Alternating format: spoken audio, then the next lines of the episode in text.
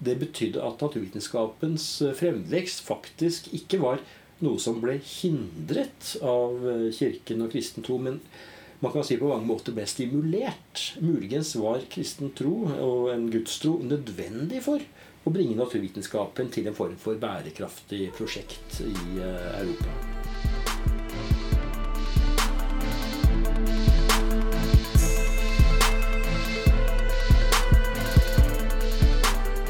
Du hører nå på Daniel Joakim, en splitter ny podkast. Her ønsker vi å ta opp filosofi på norsk. Eh, filosofi i møte med naturvitenskap, med møte med Gud, eh, kristen tro og mye mer. Noen ganger så har jeg gleden av å prate med interessante mennesker, mens andre ganger så vil disse episodene være mer at jeg leser på egne essays. Eh, for denne podkasten er jo en slags utvekst av bloggen danieljoakim.org. Og jeg har fått et par beskjeder fra folk som rett og slett syns det kunne vært kjekkere å høre på disse essaysene enn å faktisk lese dem. Jeg har også hørt fra folk som verken kunne tenke seg å lese eller høre på disse tingene her, men sier at de har bedre ting å finne på. Men det er kanskje ikke så relevant for dere. Eh, så for et par uker siden så gjorde jeg en liten spørreundersøkelse. Da fikk jeg inn 443 avkristne svar på hva folk kunne tenke seg å høre litt mer om i en slik podkast. Eh, så der kom tro og vitenskap, gudsbevis, historiemyter og etikk klart høyest, mens eh, naturfilosofi og metafysikk også skårte ganske bra. Og faktisk så skårte Harry Kane ganske bra. Han skårer alltid ganske bra, egentlig, men jeg aner at det forslaget var en smule mindre seriøst. Så det lover godt. Jeg håper at mange av dere vil sette pris på det her. Eh, du finner podkasten på iTunes, på Soundcloud eller på den podkastavspilleren du foretrekker å bruke. Selv bruker jeg Podcast Republic, for der kan man laste ned episoder eh, slik at du er offline og kan høre på mens du er på bussen, mens du går en tur i skauen, når du legger deg om kvelden, eller til og med når du tar deg en treningsøkt. Eh, ingenting er som å løfte litt benk med, med Friedrich Nietzsche på, på øret. Så jeg håper at du har lyst til å høre, og ikke minst anbefale til andre dersom du liker det. Eh, og ikke minst hjelpe bestemor med hvordan dette podcast-greiene funker, dersom hun også kunne synes dette var spennende. Og om du ønsker å ta kontakt for å komme med dine ønsker eller tilbakemelding, så setter jeg veldig pris på å høre fra deg på mail alfakrøll.danieljoakim.org. eh, Eh, så, i denne episoden så har jeg fått med meg Bjørn Are Davidsen. Bjørn Are er kjent myteknuser, og vi skal prate om denne krigen mellom kirken og vitenskap opp gjennom historien om hva som er myter, og hva som faktisk stemmer. Så det blir veldig spennende. Følg med.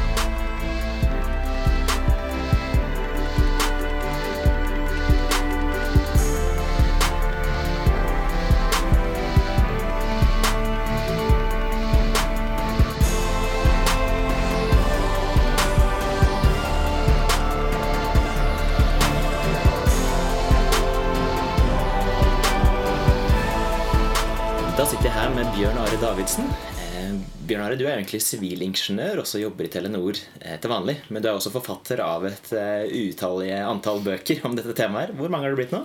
Ja, Det er godt spurt hvordan man teller med kapitler og hele bøker. Men størrelsesorden ti, kan vi vel si. Mellom fem og ti. Ja, Så det er en god sommerferie hvis man har lyst til å boltre seg i dette greiene her? Ja, det er en av de bedre sommerferiene du kan ha.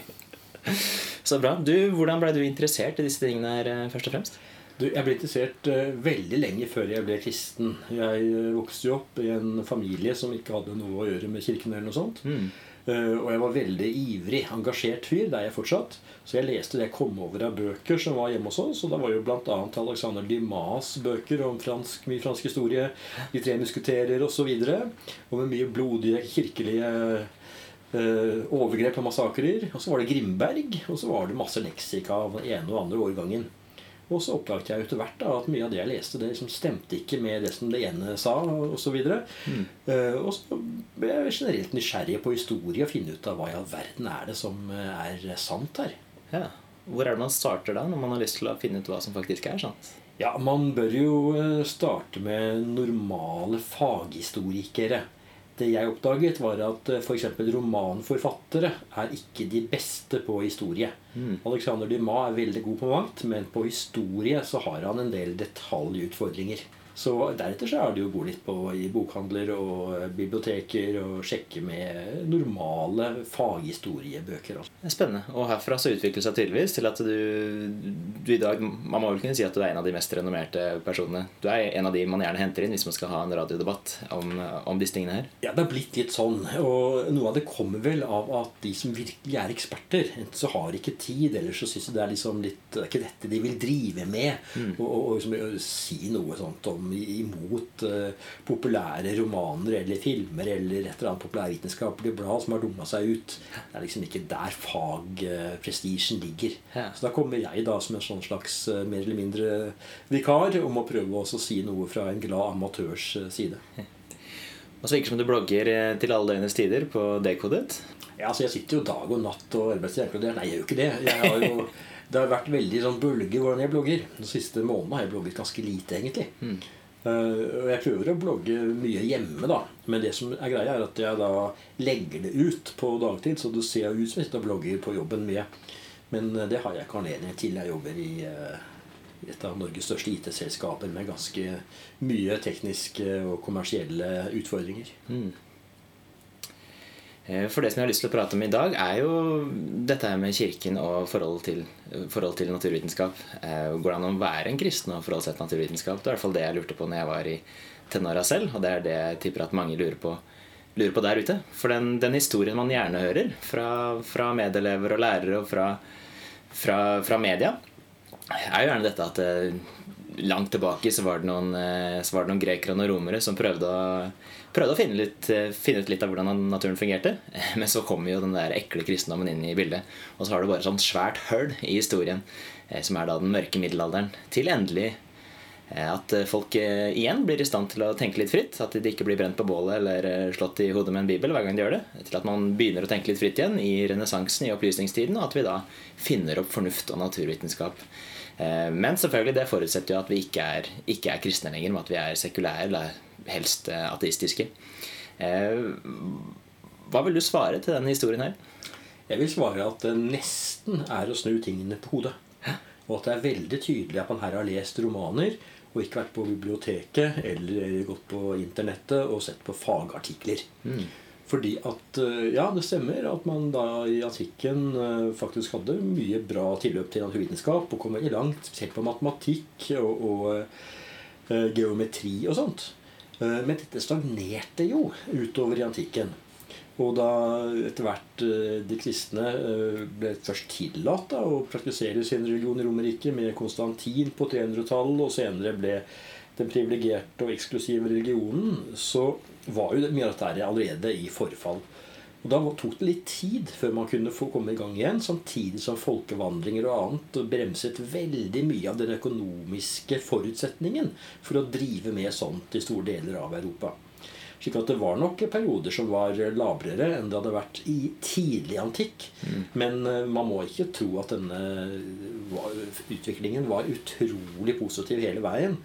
Og, og, og, hvis man går inn i middelalderen, så ser man at det var utrolig mye spennende som skjedde av eh, tanke, eh, tanker, tankeprosesser rundt hvordan vitenskap fungerte, hva det var for noe, hvorfor man skulle drive med sånt, og hva som var mulig å, å få til. Så kan jeg si mye om dette, men for å si det veldig kort da, Det som skjedde, var jo at man gjorde ganske mye, og så kom svartedauden, satte en stopper for atskillige folk som var kommet ganske langt.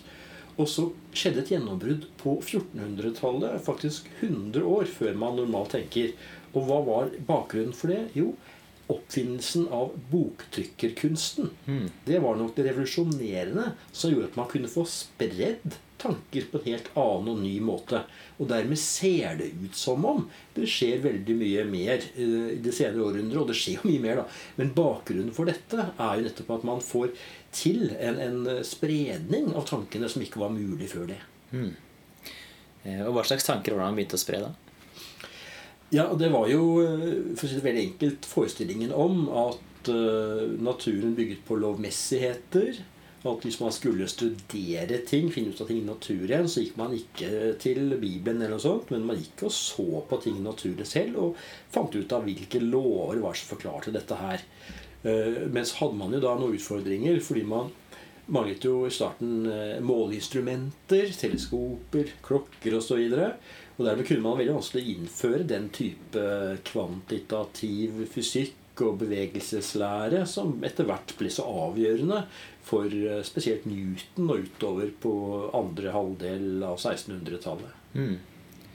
Så da kunne på en måte vitenskapen sette fart, og kunnskapen kunne akkumulere seg over generasjoner. Du var ikke avhengig av en, eh, en person som satt og, eh, satt og skrev skrev bøker for hånd og skulle kopiere på den måten. Ja. Eh, og man kan jo si at Alt det her er på en måte vel og bra, men hva i alle dager har dette med kristendommen å gjøre? Ja, det spørsmålet merker at Jeg har ikke nevnt dette med et eneste ord så langt.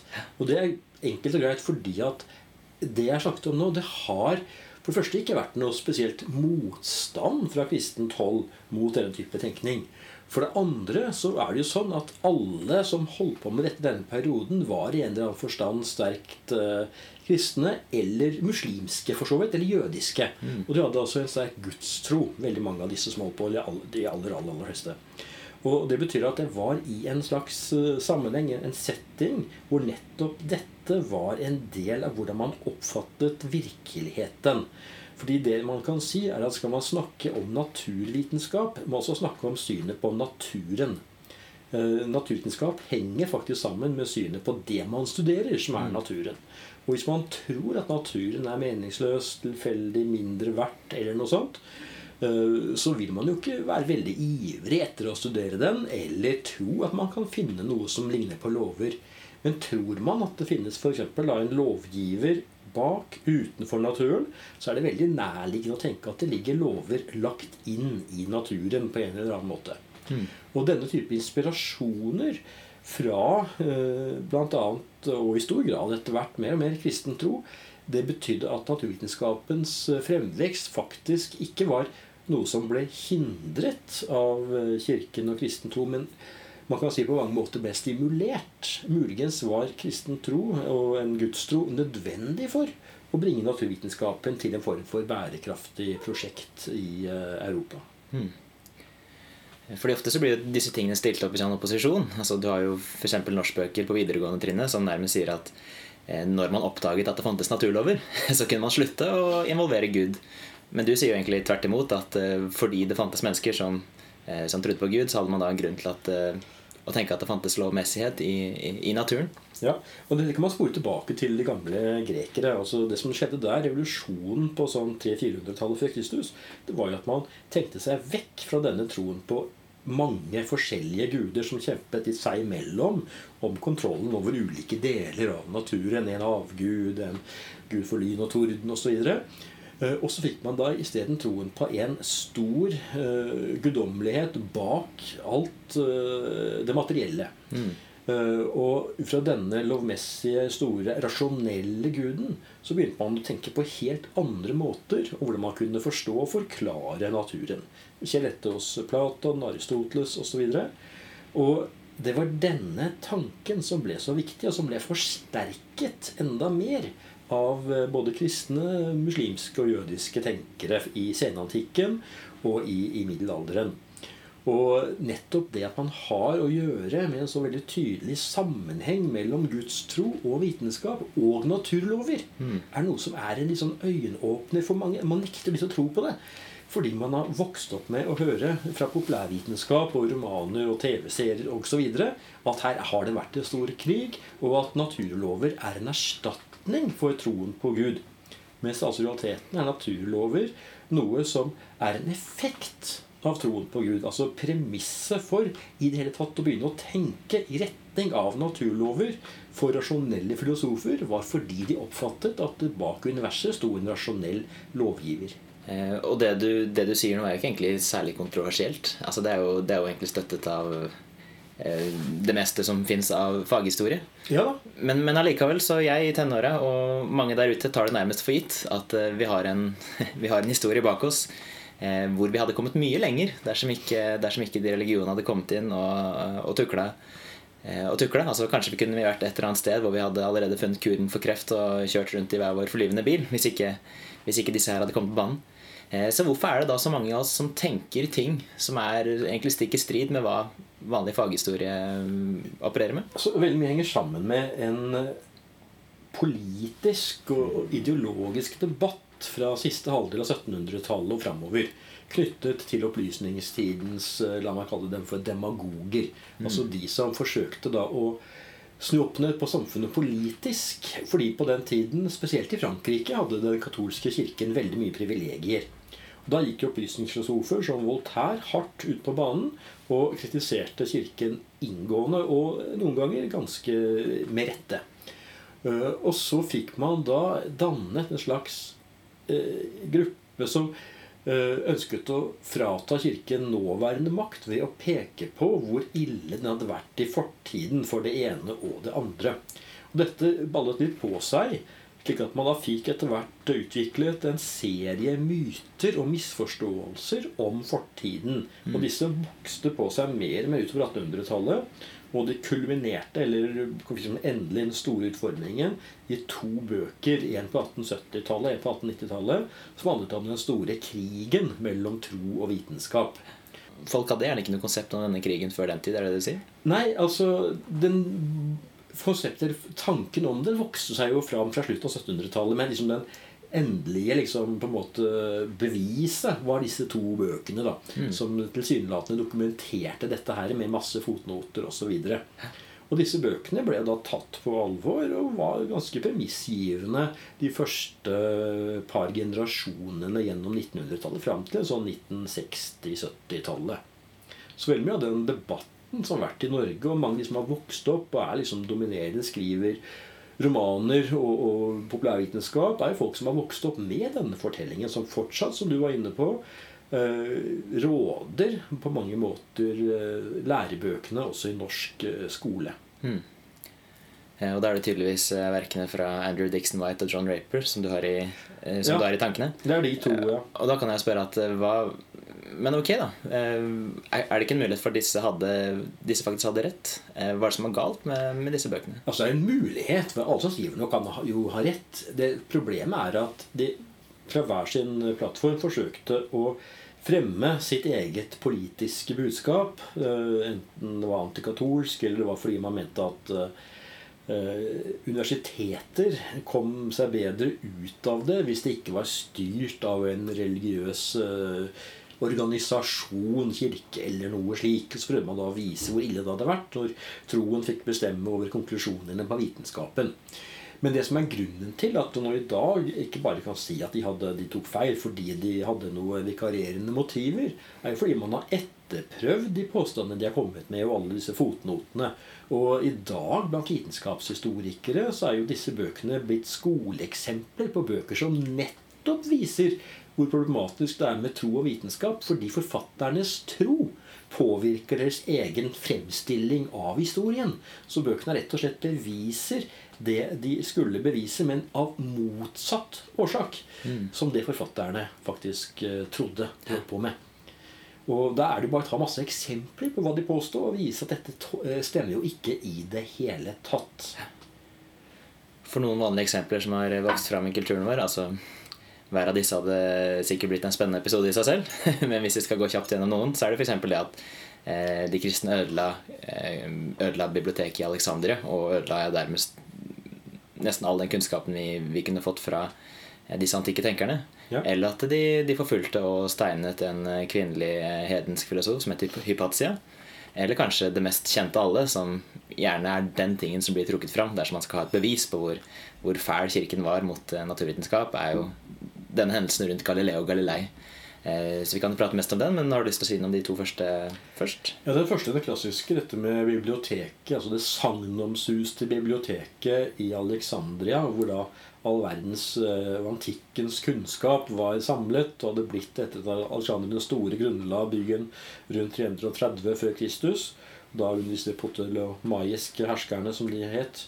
Hvor man da hadde en regel om at alle som kom til byen, hadde med seg bøker, skulle etterlate en kopi av dette verket i eh, biblioteket der. Uh, og så ble jo dette biblioteket etter hvert ødelagt. Og den som gjorde et nummer av dette, først og fremst var jo den britiske historikeren Edvard Gibbon i et mm. uh, bredt anlagt verk på 1700-tallet om The Decline and Fall of the Roman Empire. Altså om Romerrikets, uh, keiserrikets vekst og fall.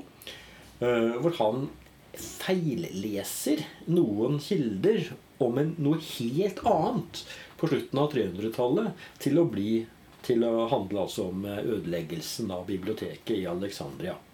Går man inn på kildene til dette, her sånn, ser man at biblioteket antagelig ble ødelagt lenge før øh, vår tidsregning.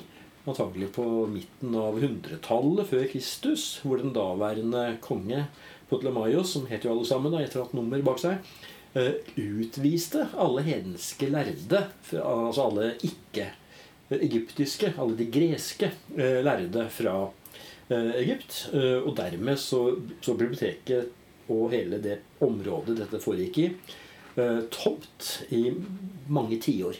Da kan man tenke seg hvordan det gikk med alt som var samlet av papyrusruller og sånt i et veldig fuktig område, sånn som Alexandria var. Det er jo omringet av, av, hav og elver og sånt, denne byen. Mm.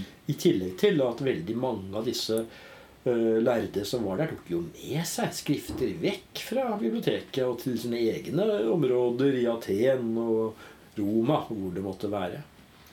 Så uh, har man deretter en rekke andre katastrofer i området. Cæsar ble det brent uh, mangfoldige tusenverker. Det var en serie invasjoner og kamper om byen som brant store deler av byen. Det var til og med en tsunami som feide over byen og la det meste under vann på midten av 300-tallet. Så når vi kommer til slutten av 300-tallet, så er det fryktelig lite sannsynlig at det var spesielt store boksamlinger igjen i byen.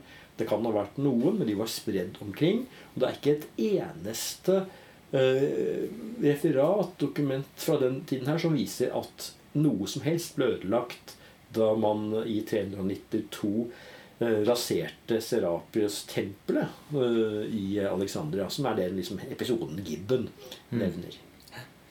Eh, så det var kanskje ikke bare kristne som ikke ønsket konkurranse, derfor så brente, brente det som ikke-kristne filosofer hadde skrevet? Nei, altså Dette er jo resultatet av hvordan bøker eller skrifter ble laget eh, og laget på denne tiden. Altså Man snakker om denne byen her på, om papyrus. Mm. Og det var ikke veldig holdbart i fuktig klima. Det vi har bevart papyrus, er fra ørkenområder langt inne i, i, eh, vekk fra kysten. Mm. Og, og, det som også er greia her, er at uh, mye av de, altså, mange av keiserne tidligere betalte jo ikke for å øh, reprodusere disse manuskriptene. Så det ble jo dårlig økonomi. Og videre så var det jo også en serie keisere som faktisk ba om at man måtte brenne Altså en serie ikke-kristne keisere skulle ha brent alle bøker om astrologi og, og sånne overna, overtroiske kunster de holdt på med. da. Så veldig mye ble også ødelagt av, av romerske keisere før kristne eh, ble, fikk noe særlig makt i, disse områdene. Mm. Men det tar jo oss videre til neste episode. At uh, Hvorfor i alle dager måtte denne stakkars uh, Hypatia, som da var en uh, tydeligvis en tidlig feminist Et tydelig eksempel på hvordan kvinner kunne komme seg fram i samfunnet. Ja, da, altså Hun var jo langt fra alene. Det vantes mange andre kvinner på denne tiden, både kristne og andre, som hadde fremtredende posisjoner. Og hun var jo da en naturfilosof ved et Eh, en del av disse mange ulike skoleretningene som det var i Alexandria. Eh, opplegget her er jo at en eller annen person samler noen rundt seg, og så danner man en slags skole. Og hun etterfulgte jo sin far Theon, som da hadde også en sånn skole, da. Og var veldig anerkjent. Og, hun underviste jo i matematikk og, astronomi og en del sånne ting. Eh, men det som da var utfordringen for henne, var at hun ser ut til å ha valgt side i en politisk kamp da, mellom to kristne i eh, Alexandria. Prefekten og patriarken. Eh, og da var det at noen da, som da muligens var blitt oppildnet til da patriarker, men det vet man ikke, drepte henne sent en kveld og, og skar kroppen hennes i småbiter etter at hun var død. Ganske bestialske greier. Mm. Uh, og så er jo da fortellingen blitt til uh, noe som har vært brukt av alle slags grupper til å fremme sin egen sak. Enten det var kampen for å vise at Kirken hadde noe imot naturvitenskapen, eller vise at Kirken hadde noe imot kvinner, eller å vise hvor ille det var for kvinner å stå fram generelt uh, når kristne hadde fått makten. Eh, og masse andre sånne ting. Eller for noe mer sånn eh, New Age-aktig. da. Og alt dette her har bidratt til at Hypatia har blitt liksom symbolet på at nå begynner middelalderen. Middelalderens mørke velter innover antikken når de kristne får drept Hypatia. Og med henne og ødeleggelsen av biblioteket i Alexandria, samme by begge deler, så er altså hele antikken borte. Og den mørke, mørke middelalder eh, er på banen. Mm. Men eh, det som skjedde med Hypatia altså Hun ble da drept i år 415, som var sånn rundt 20 år etter at dette biblioteket angivelig skulle vært ødelagt. Så da hun holdt på, så var det fortsatt masse bøker eh, tilgjengelig for forskere og filosofer. Og etter henne så ser vi at generasjon etter generasjon fortsetter jo en rekke skoler i, i eh, Alexandria med ulike boksamlinger osv. Det ser man helt fram til muslimene overtar byen på 600-tallet. Mm. Uh, og antagelig fortsatte det etter det òg, men der er det lite dokumentert. Men som jeg sa, at når du trenger et sånn sjefseksempel, så veit du hva du skal slå i bord med. Det er jo Galileo Galilei. Uh, det er kanskje ikke så ille som at kirken trodde at jorda var flat, og at han prøvde å si at den var rund, som noen tenker. Men i hvert fall så virka det som at kirken holdt jo til en forestilling av verden hvor Eh, alt sammen gikk rundt vår klode. At eh, sola og alle de andre planetene gikk rundt vår klode. Såkalt geosentrisme. Men så kom jo da Galilei med noen eh, kalkulasjoner han har sett gjennom teleskop, og funnet ut at nei, antageligvis så er det faktisk stikk omvendt. Det er ikke alle disse planetene og stjernene som går rundt vår klode. Men det er faktisk solen, solen som er sentrum for vårt solsystem, og det er faktisk planetene, inkludert vår egen, som går i bane rundt den. Men det virker jo ikke til at eh, Kirken liker dette veldig godt, for Galilei får jo en ganske dårlig behandling. Hva, hva, er det som egentlig skjer her? Ja, Det er et godt spørsmål. fordi at dette her er noe som har vært diskutert fram og tilbake i hundrevis av år. Eh, og hvis man går inn på kildene, både hva Galilei selv skriver, og hva hans motstandere skriver, og hva andre skriver på denne tiden, så ser man at historien er ganske annerledes enn hvordan den er blitt fremstilt. Så det som, For å være sett litt på spissen, da, så har man fått inntrykk av at Kirken var en slags uh, negativ uh, institusjon som slo hardt ned på all vitenskap. Brant vitenskapsvenn på bålet for å hevde det ene og det andre. Mm. Og så kommer man til liksom kroneksempelet, Galileo, hvor man liksom viser av hvor Kirkens undertrykkende makt kommer som skikkelig til uttrykk, og liksom dømmer han da til slutt, etter en lang rettssak, truet med tortur og greier. Og da blir denne stakkars fyren idømt til husarrest. Altså, så, så, det Kroneksempelet handler om at Kirken dømte en mann rundt, på rundt 70 år til husarrest. Ikke til bålet, ikke til uh, noe annet dramatisk. Han fikk lov til å fortsette med sin forskning og skrev sin viktigste, sitt viktigste verk etter at han hadde fått denne dommen. Mens han satt uh, da hjemme Eh, på et gods med tjener og vinkjeller osv. Så, videre. så Så historien, bare rammen rundt dette, er helt annerledes. Ser man så på detaljene, ser man veldig mye spennende ting som man ikke er helt uh, klar over i dag. Den ene spennende tingen er jo at Galileis modell var feil. Og hans argumentasjon for modellen bygget også dels på feil. Og det var også sånn at det fantes altså en sju-åtte åtte ulike modeller som konkurrerte på denne tiden. Tiårene før og tiårene etter. Og Galileos modell var vel da på tredjeplass, kanskje fjerdeplass, av de man anså som de mest plausible. Mm. Den uh, modellen som man da på denne tiden mente så best ut, var modellen til Tycho Brahe, denne danske astronomen, som opererte med at uh, ja, jorda var i sentrum, og solen gikk i bane om jorda, men planetene gikk i bane om sola. Mm. Det kan man jo prøve å tegne opp og se åssen det blir. Og så hadde man den modellen som etter hvert viste seg være riktig. Det var Keplers modell. Som hadde altså sola i sentrum og planeten i bane rundt jorda. Men hvor det til forskjell fra hos Galilei var slik at planetene gikk i ellipsebaner og ikke i sirkelbaner, mm. som Galilei holdt fast på. Eh, og det var hans utfordring, nemlig at observasjonene utover stemte jo dårligere og dårligere med hans modell, hvor eh, planetene gikk i sirkler. Og det stemte jo bedre og bedre med Keplers modell, for det gikk i ellipser. Og så argumenterte han da for denne modellen bl.a. med at uh, tidevannet viste at jorden beveget seg. Det er klart at Hvis jorda går i bane om sola, så må jorda bevege seg veldig fort. Og det er rart at ikke det er noen antydninger til dette når vi ser oss rundt da, med liksom det blotte øyet. Og Da mente Galileo at her var det klart tegn med tidevannet. Mens da paven og andre mente at dette var rart. Det må jo være månen som påvirker. For man kunne se sammenhenger som med månen og alt sånt der. Men nei da, Galilei sto hardt. Han var litt sånn arrogant. Sånn, han var geni. Og, og genier ofte litt sånn arrogante. Ja. Og, og, og det betyr at han hadde litt evne til å legge seg ut med folk og begynne å krangle. Eh, Og det talte ikke akkurat i hans favør. da. Så kirken endte jo da med at den litt sånn i halvirritasjon eh, dømte han til denne husarresten.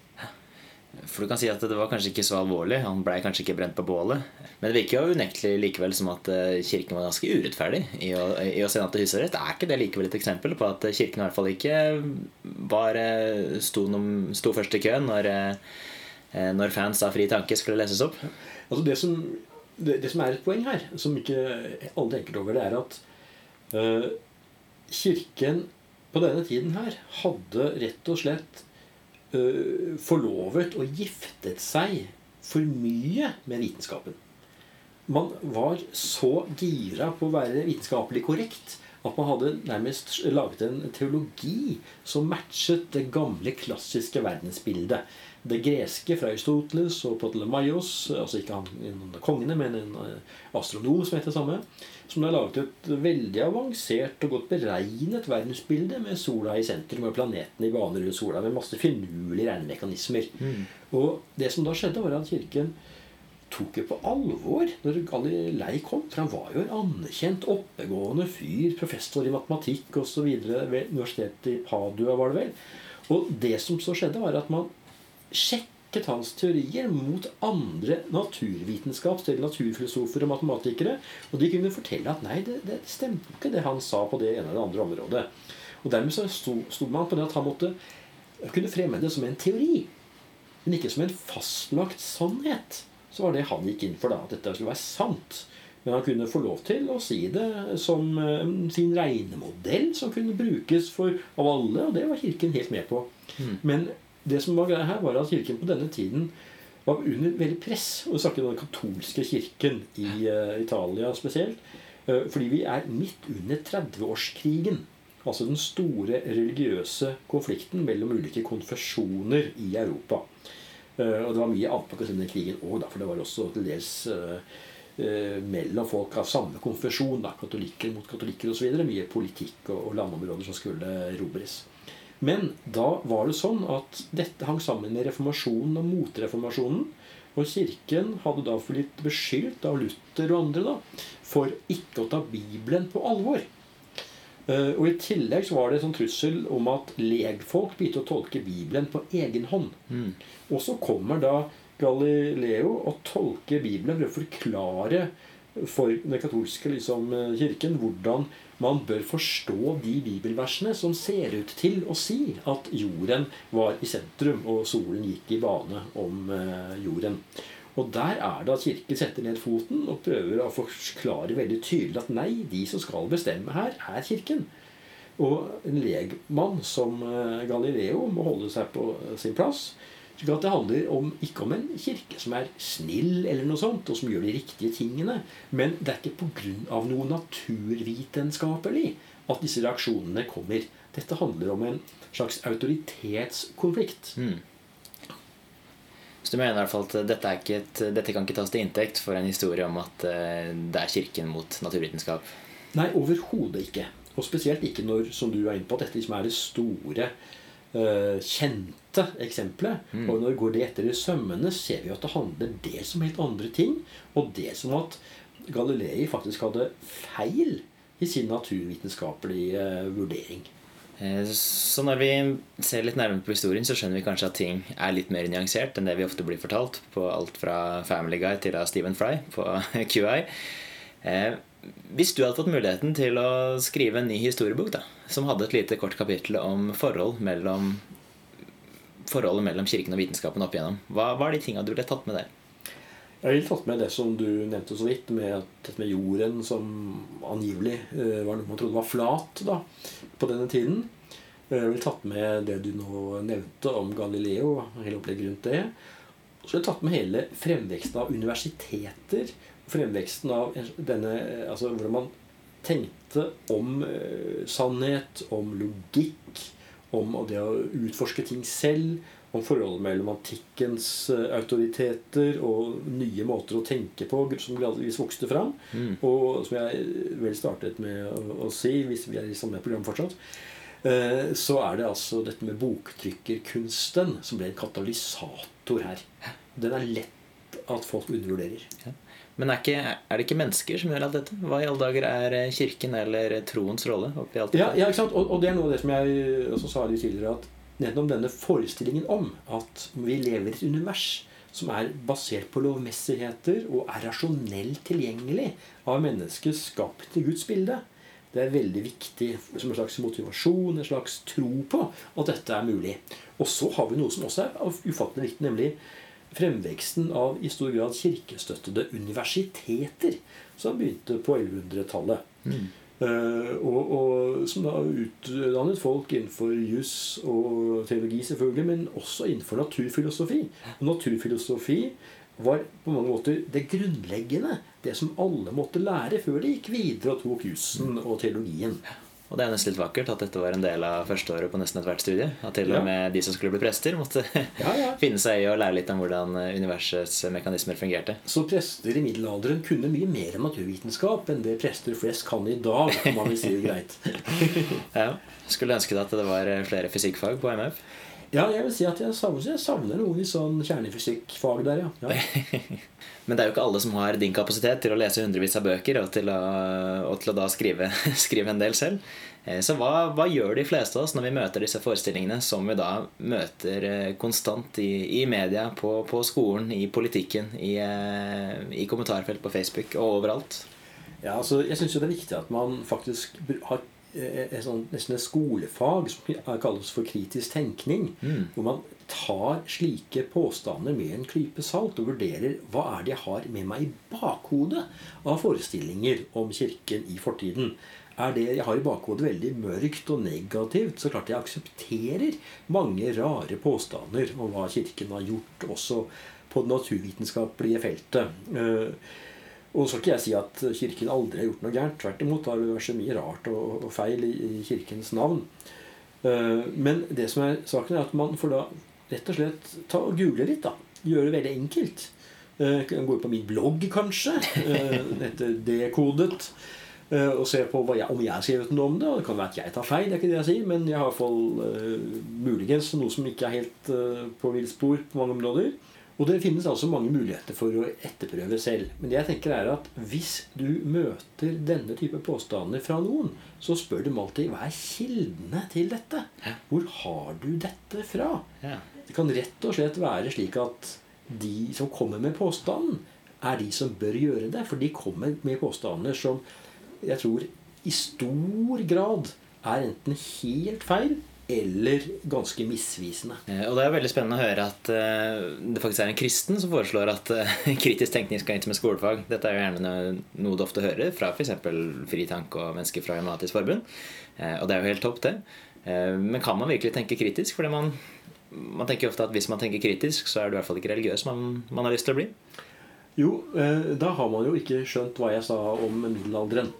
For i middelalderen var det ideal både å tenke kritisk og selvfølgelig å, å ha en, en, kristen tro.